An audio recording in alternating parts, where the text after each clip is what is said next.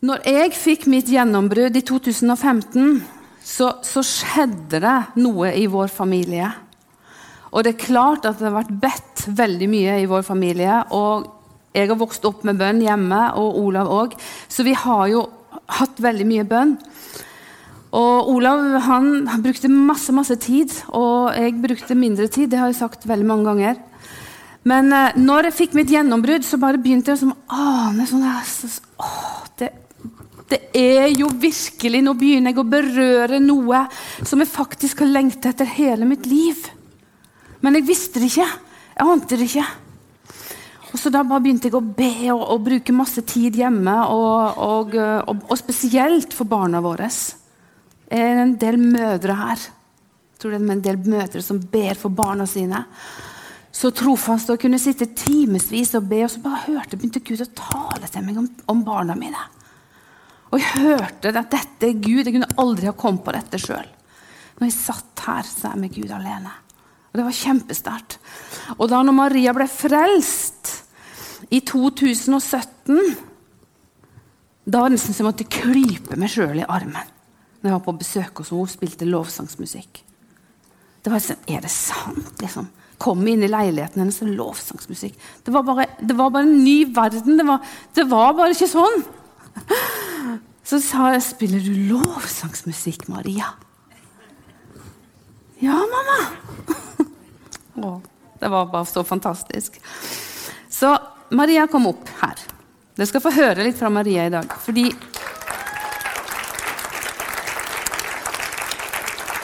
Du vet, gjennombrudd det er noe, er jo noe som blir synlig. Ikke sant? Vi ber, og vi står på, og vi kjemper, og, og vi vil se ting. Og så når det plutselig blir synlig, så er det sånn at du klyper deg i armen. Wow! Er det sant? Er det virkelig skjedd nå? Ja. Så Maria, du ble jo eh, frelst i 2017. Og eh, da hadde du vært lenge vekke fra Gud. Ti år. Ja. Eh, da hadde du vært ti år vekke fra Gud, og, og, eh, og, så når du ble frelst, så skjedde jo en, en omveltning sant, på, på, livet ditt. Mm. Og, eh, så da hadde Maria en reise der hun på en måte Jeg vet ikke om du sier noen få ord om det før vi kommer til det som, dette med bønn. da. Eh, ja, det første året. Eh, ja. Eh, ja, det var jo så klart en om, omveltning i mitt liv og for alle rundt meg. Både, jeg hadde jo veldig få kristne venner, så alle mine venner var ikke kristne. Så det var jo et sjokk for absolutt alle. Eh, så det kom jo selvfølgelig med veldig mange spørsmål og veldig mye tvil og veldig mye ja, ting som jeg måtte jobbe gjennom. Eh, ja, hele verdensbildet blir jo snudd opp ned. Så det er jo ganske mye å plutselig sette seg inn i og forstå. Eh, ja. ja. og vi som foreldre, meg og Olav, vi, vi var jo liksom sånn at vi ville ikke prakke på Liksom, vi tenkte liksom, Det var ikke sånn at vi kasta oss over Maria når hun var hjemme i helgen. Så, vi ber for deg, Maria, og, og forkynte for henne. og sånn og sånn. Så vi tenkte liksom mange ganger, jeg tenkte i hvert fall etterpå Skulle jeg virkelig kanskje ha bedt mer? Kunne hun kommet igjennom før? Og, sånn, mye sånne tanker som kommer. Så, men så ser jeg jo liksom, når Maria da kom igjennom, så ble det sånn enormt gjennombrudd. Og da var det jo en reise for henne dette første året. Og så husker jeg på våren. Da hadde du vært frelst et år? Var eller var det før? Det var egentlig, når var du begynt å tenke på dette med bibelskole? Ja, Det var jo bare noen måneder seinere. Ja. ja. fordi jeg skjønte at jeg måtte vekk. Det var for stort for meg. Dette, Jeg klarte ikke å finne ut av det midt i den vanlige verden min. da med alle mine vanlige venner og jobben og alt. Det ble, jeg måtte vekk. og Jeg kjente det veldig sterkt når jeg var på f.eks. konferanser og sånn, at jeg bare kjente oi, dette vil jeg være i lenge. Jeg trenger å være i dette liksom over lang tid uten forstyrrelser. da. Så da skjønte jeg jeg må bare dra på bibelskole. Um, ja, og da falt jo det en bibelskole veldig plutselig. Det var den jeg visste at jeg skulle på den bibelskolen uten at jeg visste noe så veldig mye om den bibelskolen. Eh, og så var jo det bare en reise i seg sjøl å si til alle at jeg skulle på bibelskole. så jeg hadde egentlig tenkt å rømme fra jobben, og ikke si bare forsvinne. så ja. Men det var en trosreise, det òg, og ja. Gud var veldig med på det. Ja, ja det var, og Du opplevde jo masse motgang òg i forhold til passet ditt. og Det, ble, altså, det reiste seg opp fjell etter fjell mot henne når hun tok den beslutningen. Fjell etter fjell. Sykdom og, og, og passet forsvant. Måtte reise til Stockholm, var ikke det? Egenhendig. Ta fly til ambassaden for å få tak på det passet og betale massevis av penger. Alt bare, Så du kunne bare nesten sett sånn ut. Nei, dette er jo feil. Her er jo så mye motstand. Her trekker jeg meg. Ikke sant? Men det, det, det var noe som var født her fra Gud, som du holdt fast på. Og det fikk du jo veldig kreditt for. Og da husker jeg sa til Maria at du kommer til å komme tilbake som et forvandla menneske. Og nå begynner det vakreste som kan skje med et menneske, den kjærlighetshistorien med Jesus. Det er det vakreste som kan skje. Og de tre månedene, Maria, det skjedde jo veldig mye med deg der. Og Vi har jo ikke tid å gå inn på alt det. Men når Maria kom hjem, da så jeg det. Og vi hadde jo samtaler underveis og ringte meg fra var jo Mosambik og Cape Town, var det det? Johannesburg. ja. Så, så, jeg skjønte jo det at her holder Gud på å jobbe. Og nå har dette, mamma, nå har Gud talt om dette. Og nå er det dette gjennombruddet. nå er dette. Så jeg tenkte wow, dette er så sterkt. Så når jeg kom tilbake, så bare merka jeg helt totalt forvandla. Og du merka vel egentlig det sjøl òg? Ja, jeg visste jo at jeg var forvandla, for å si det sånn. Men jeg, ja, mamma sa jo det til meg før jeg dro, og det likte jeg ikke. Jeg syns ikke det var noe kjekt å, å, høre at jeg kom til å bli forandret. Det sånn Jeg skjønner ikke hva det betyr, liksom. Og jeg ville jo ha kontroll på mitt eget liv. sant? Jeg hadde jo ikke lyst til å bare Ja. Men så skjønte jeg jo det når jeg opplevde det, sant? og det var jo ikke Det var jo frivillig, sant. Når jeg liksom begynte å ja, gi livet mitt mer og mer, eh, da vil, vil, jeg jo bare gi det mer og mer. Så skjønte jeg liksom at dette er bare det gøyeste og beste som fins. Ja. Så jeg tror Maria bare følte at du rett og slett kom på plass? Ja, det var akkurat det. Jeg kunne, jeg kan liksom ja, Etter noen uker bare på den bibelskolen, så husker jeg jeg følte liksom Jeg så for meg på en måte et sånt bilde med et sånt utklipp av et menneske som var meg, og så kom på en måte det mennesket på plass inn der. Og jeg følte at det var meg liksom, For første gang i livet mitt så var jeg akkurat der jeg skulle være. Og det var en følelse jeg aldri hadde hatt før. liksom. Og det var veldig spesielt. Ja. Så da var det å komme hjem, og så bare gir hun seg 100 inn i menigheten. Og det var jo helt fantastisk for oss. Så var det å begynne å tjene og, og sånn. Og så så, jo, så, har jeg spurt Maria fordi vi, eh, vi, har jo eh, masse Vi har fokus på bønn og gjennombrudd. Og så har jeg spurt Maria om hun kan si litt om hennes bønnereise. Litt fra du bare begynte å tjene i menigheten etter bibelskolen. Mm. Ja, det, så da kom jeg jo hjem og, og hadde veldig liksom, elsket å lese Guds ord. Jeg kunne lese det i mange timer hver dag. og følte virkelig ble, Det ble åpenbart meg, for meg da. Jeg syntes det var veldig kjekt. Og jeg følte liksom Jeg hadde veldig mye kontakt med Gud og, og sånn. Men akkurat på B kjente jeg liksom det, Jeg tror ikke det er min greie, liksom, følte jeg. Det er sikkert noen andre sin gave. For jeg syntes det var veldig kjedelig. Og liksom følte akkurat som med en gang jeg skulle begynne å be, da skjedde det noe. Da ble jeg Å, det var liksom Kunne sovne. Og,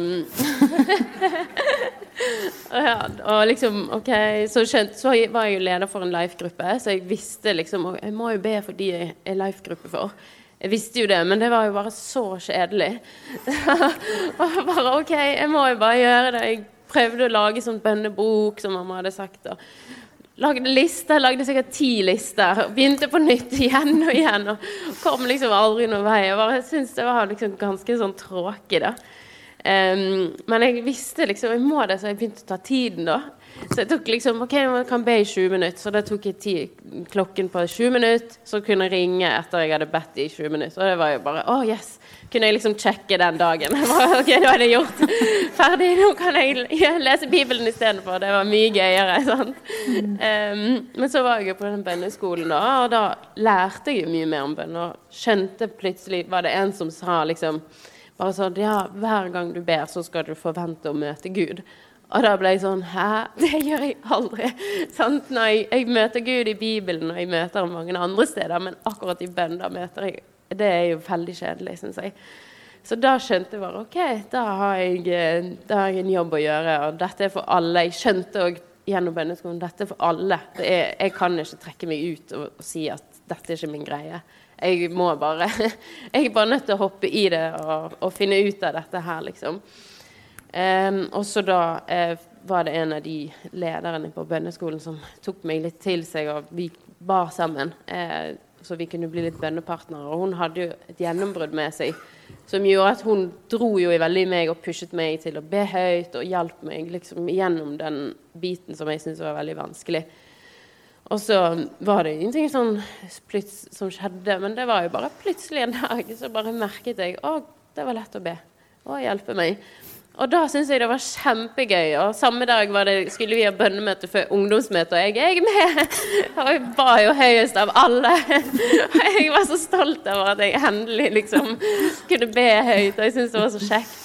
Så, ja, og etter det så har jeg på en måte bare ja, skjønt liksom at det, det, er veldig mye mer da, enn det, det jeg hadde smakt. Og, og ja, nå så liksom i sommer så da ba jeg også ba vi hver dag. Meg og min søster var på ferie, vi var rundt omkring i Europa. Og bestemte oss for å be. Vi ba en time hver eneste dag før vi dro på stranden og alt dette her. For å liksom, vi vil ikke ha pause fra, fra Gud. Og, og, da plutselig begge meg og hun, uavhengig av hverandre, hadde ikke snakket sammen. Men når vi kom tilbake til vårt vanlige liv, og etter en ukes tid, så plutselig sa hun til meg jeg, merker at jeg er annerledes etter ferien. Jeg har fått mye mer frimodighet, og det er masse som har skjedd. Og jeg var sånn Hæ, jeg òg merker det. Det er så rart. Det er ingen av oss som kan si liksom, det var den dagen. Men vi har begge vokst veldig mye i sommerferien og i bønn, og vi brukte veldig mye tid sammen, som gjorde at plutselig kunne jeg merke at dagliglivet mitt var så mye lettere. Og ja, bare merker at jeg liksom kan bruke bønn hele tiden. Det er ikke sånn at jeg trenger å vente til jeg kommer hjem. Men eh, når jeg er på jobb og rydder og gjør de kjedelige oppgavene, så ber jeg da mens jeg gjør det inni meg. Og da liksom Ja, bare føler liksom det forandret meg, da. Og fått liksom Oi, dette er bare begynnelsen, føler jeg. Ja. Tusen takk.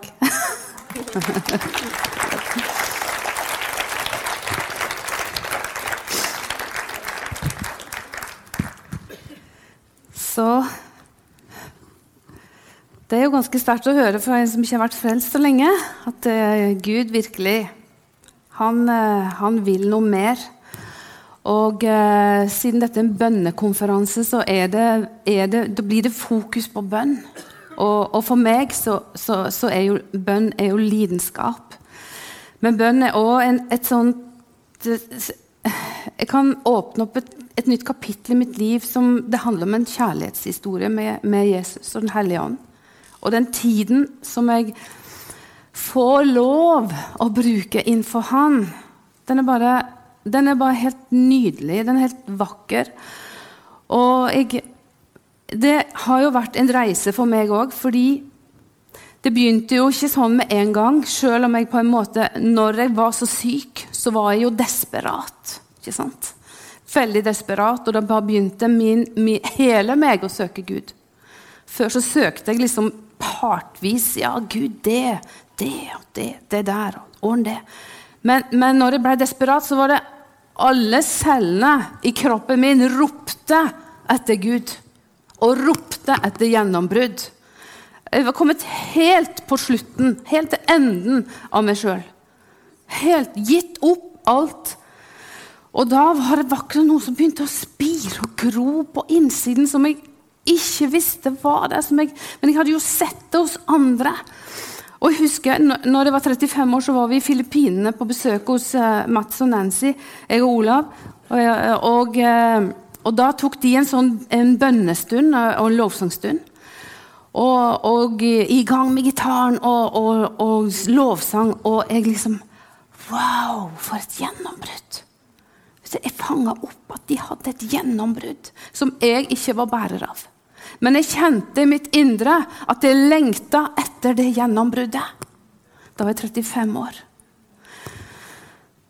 Og så gikk jo årene. Sant? Årene fyker, og livet går som en rakett. Ikke sant? Og Gud har jo med han velsigna oss. Gir med oss utdanninger og familier. Altså han gir oss, han elsker oss. Han gir oss alt vi trenger hele tiden. Men det er klart vel, Hvis det blir veldig mye medgang, så, så kan vi klare oss veldig godt. Så det er når du møter på utfordringer som du ikke klarer å håndtere sjøl OK, Gud, jeg slipper deg inn. OK. Så jeg er jo så takknemlig, faktisk, fordi at jeg fikk gå igjennom disse prøvelsene, sånn at jeg fikk tak i dette dypet på Gud, som jeg ikke hadde vært borti før. Selv om jeg så at det var hos andre, men det er faktisk ikke noe jeg kunne gripe og bare ta og bare gjøre til mitt andres gjennombrudd. Det var helt umulig. Dette livet måtte vandres alene. Og jo mer ensom du er faktisk med Gud, jo sterkere blir du med Han. Jo mer du slipper å falle ned for ditt ansikt og gir opp, jo mer åndelige muskler vokser det opp i deg. Og jo mer får han tale og bare forvandle deg hele tiden.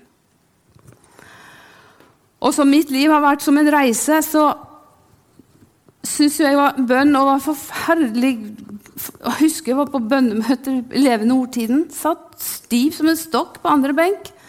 Syntes det var slitsomt. Ikke sant? Og vi kan, vet du hva? Det er så mye religiøsitet. Djevelen har tatt dette. Vi skal ta det tilbake. Han har tatt på en måte noe som Guds folk skulle ha 100% og så har han gjort det til en statue, til noe kaldt og noe som vi ikke klarer.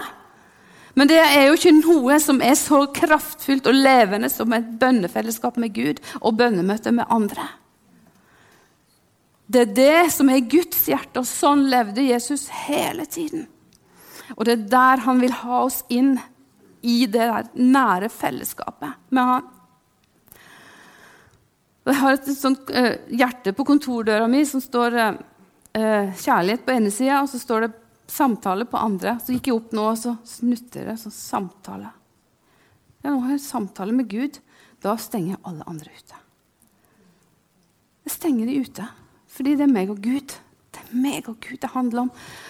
Og da blir det et gjennombrudd det produserer et gjennombrudd i livet ditt når du bare Vekk.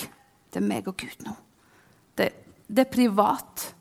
Det er så intimt. Det er kun meg og Gud. Jeg kan ikke ha noen forstyrrelser. Så når jeg fikk laget mitt eget bønnerom hjemme. Det var bare helt fantastisk. Kunne lukke den døra. og Dette er mitt rom. Dette er min plass. Meg og Gud alene.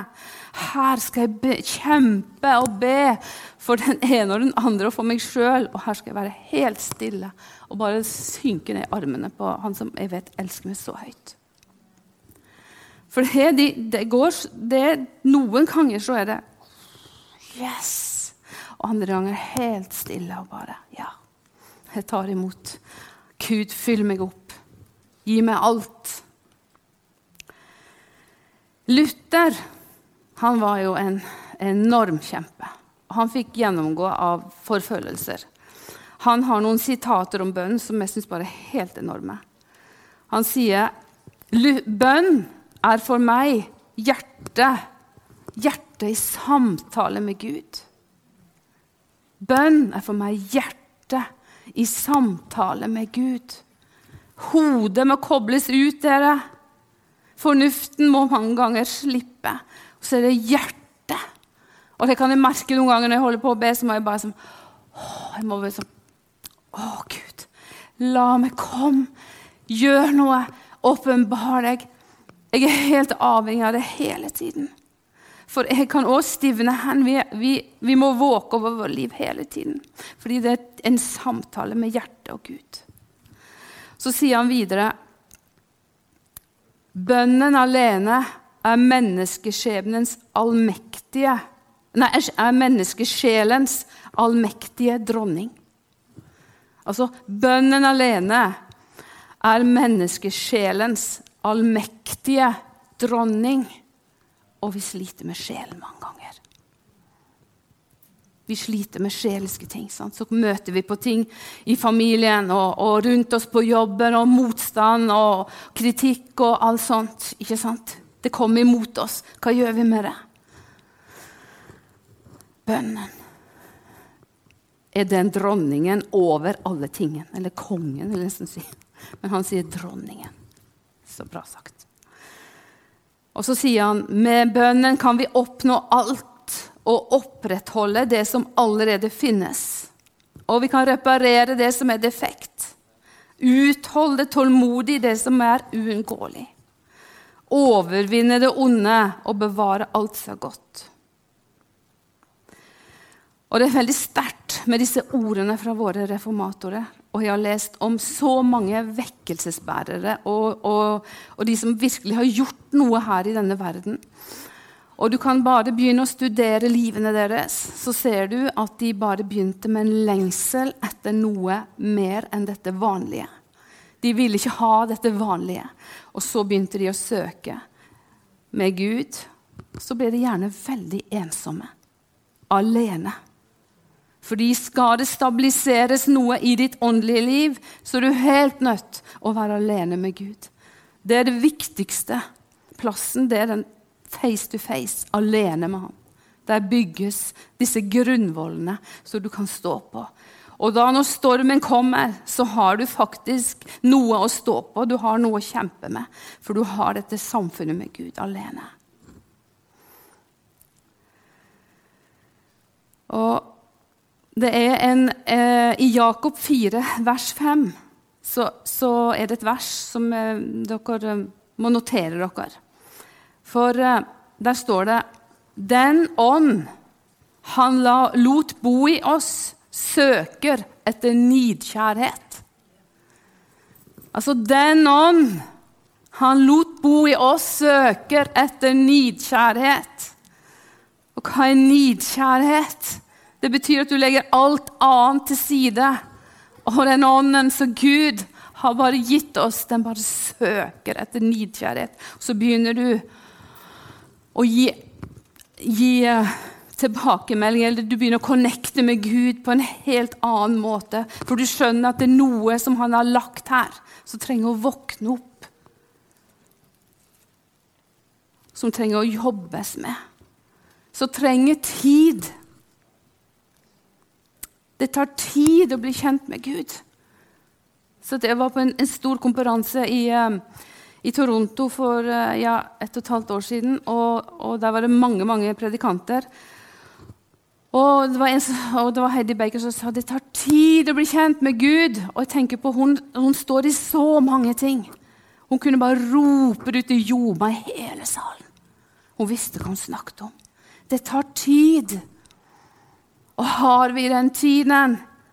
Det er, det det egne personlige ansvaret som vi alle må ta inn over oss. Og som, da må man mange ganger ta noen valg. Og når du tar valg når det gjelder bønn, jeg lover deg du kommer til å få motstand. Du kommer til å få kritikk. Du kommer til å få noe som reiser seg opp, både i deg sjøl, først og fremst kanskje, og òg rundt deg i omstendighetene dine. Hundrevis av unnskyldninger vil komme. Og erfaringer vil prøve å legge seg på deg, teppe etter teppe. Men hvis du tar en bestemmelse for ja, jeg skal forflytte meg Jeg skal innta dette området, jeg skal ha gjennombrudd i mitt bønneliv. Jeg skal ha dette gjennombruddet med Gud. Hvis du bestemmer deg for det og begynner å søke Gud ut ifra den posisjonen, så lover jeg du vil møte Han vil møte deg kraftig. Han vil berøre deg dypt, dypt i ditt hjerte. Han vil begynne å forvandle deg. Han vil gi deg tanker som du aldri hadde tenkt før om deg sjøl. Han vil gi deg tro som du ikke trodde du kunne tro. Han vil gi deg kjærlighet han bare begynner å forvandle deg og bare omslutte deg med sin kjærlighet. Og du kommer til å bli så tett med han at når du begynner å oppdage dette fellesskapet med han, så vil du ikke ha noen ting annet. Da blir alt annet blekne i forhold til det fellesskapet. Så den ånd han lot bo i oss, søker etter nidkjærlighet. Så tenkte Gud opp i himmelen sånn, han, søker oss. Han søker oss. Søker. Alle her er søkt av Gud. Han søker, søker. Er de Har de tid? Har de tid til meg? Har de eller er det bare alt mulig annet? Men det, det, er en løgn som vi mange ganger Vi har ikke tid, og alt dette, men det er en løgn som det blir et bedrag. Og det er fienden som stjeler det fra oss, og det må vi våkne opp fra. For vi, vi er ingen kalt til å være på en måte eh, Stå stille. Et kristenliv er levende, og det beveger seg framover hele tiden. Den friske olje er for hver eneste dag. Hver eneste dag. Hver eneste dag så har Gud et gjennombrudd. Og så er det vårt personlige valg å gjøre noe med dette gjennombruddet og, og, og med det, det, å gi gjensvar til Gud. Det, det er vårt.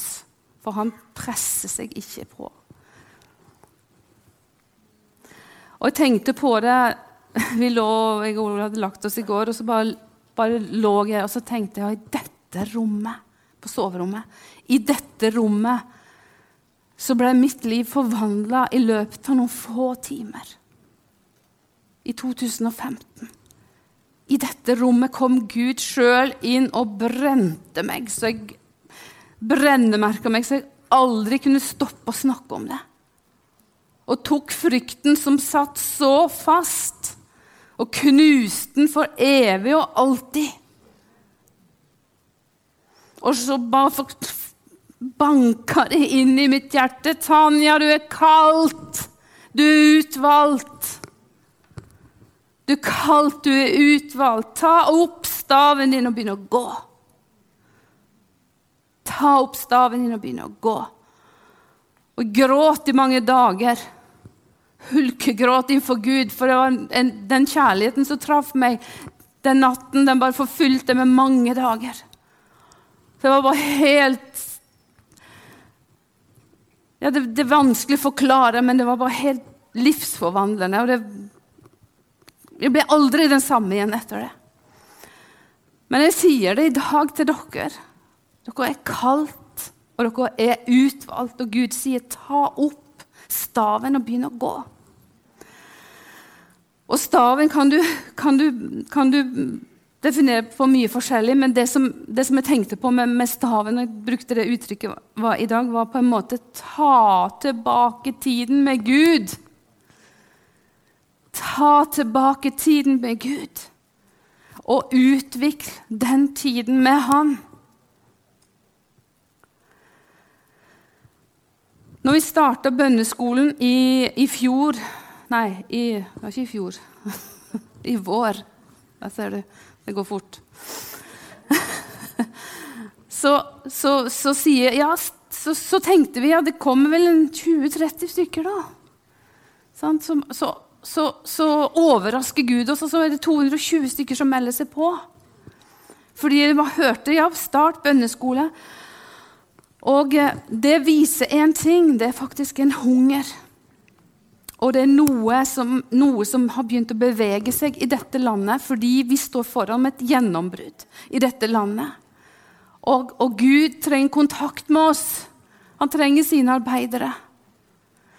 Og Det er gjennom bønn dette skjer, og derfor så trenger vi på en måte å dele hverandres gjennombrudd. Akkurat som når jeg var i Filippinene og bare kjente det gjennombruddet som Mats og Nancy hadde når de var innenfor tronen. Jeg klarte ikke å gripe det, men jeg merka det. Og det er mange som kan, Du kan merke det hvis noen har noe gjennombrudd med seg. Du kjenner det, og du, du, kjenner det faktisk attraktivt, og det er noe du vil ha. Og jeg tenker Når du, når du går med disse tankene og, kjenner på det, så er det faktisk Den hellige ånd som holder på å jobbe med deg. Og da skal du gi gjensvar til dette. Og begynne å søke Gud og rope fra ditt innerste.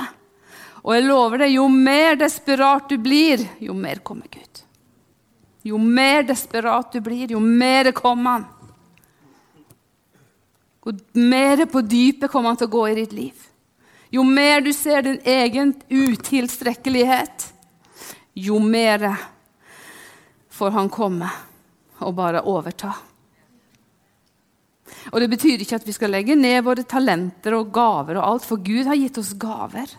Sant? Så vi fungerer jo i våre gaver på, på, når vi har utdanninger og vi har musikere og alt og gaver. og alt sånt. Det er jo sånn som, det er de gavene som Gud har gitt oss. Så vi stenger jo ikke verden ute. Selv om du kommer dypere med Gud, men du får bare et mye videre syn.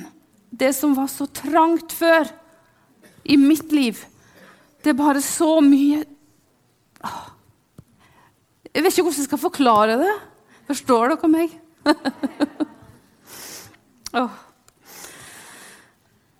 Det er en lidenskap som har våkna. Og jeg er bare så utrolig takknemlig for det som Gud har, har vist meg. Og, og, jeg tenkte på det at um, takk Gud for sånn som Todd veit, som Gud bare reiste opp. Og bare liksom livet snudd i én, to, tre. Og så bare begynner han å dele dette. Og så fikk jeg del av et gjennombrudd som han hadde kjempa for sjøl. Fordi at han var villig å snakke om det og dele det, og tok opp kallet sitt. Så du vet, vi kan, vi kan jo vandre gjennom hele livet og gå glipp av så mange stunder med Gud. Så mange livsforvandlende øyeblikk med Gud fordi vi er så opptatt med så mye annet. Så disse Kairos-øyeblikkene det er jo de som forvandler oss. Når vi får disse møtene med Gud alene. Og Jeg husker jeg hadde en eh, Jeg skulle, skulle be virkelig for noe og bestemme meg. og jeg satt eh, inn på bønnerommet, og, så, og, og jeg, jeg syntes faktisk det var litt sånn Hvordan skal jeg komme i gang med dette? Jeg syntes det var litt tungt. Og så bare sa jeg, Hellige Ånd, kom og hjelp meg. Kom og hjelp meg. Og plutselig så var det bare noe som plutselig bare tok over. Så var den timen bare løpt av gårde. Og det var så jeg kunne bare danse ut av det bønnerommet. Det var bare et gjennombrudd. Fordi at jeg, jeg stilte meg tilgjengelig for Gud. Var helt tom og hjelpeløs. Så jeg sier det, jo, jo mer hjelpeløs du er, jo tommere du er, jo bedre er det for ham. Jo bedre er det for ham. Da får han noe kraftfullt å jobbe med i livet ditt.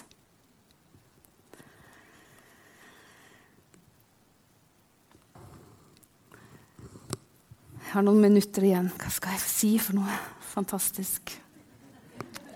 Og jeg elsker jo å stå her og snakke.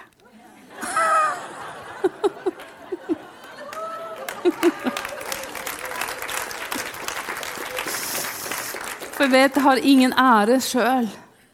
Ikke sant? Etter å ha bundet så mange år og kunne åpne munnen i en cellegruppe nesten. For frykten kvelte alt. Til å være helt løst og fri og la øynene hvile på store forsamlinger uten frykt. Det er en enorm gave.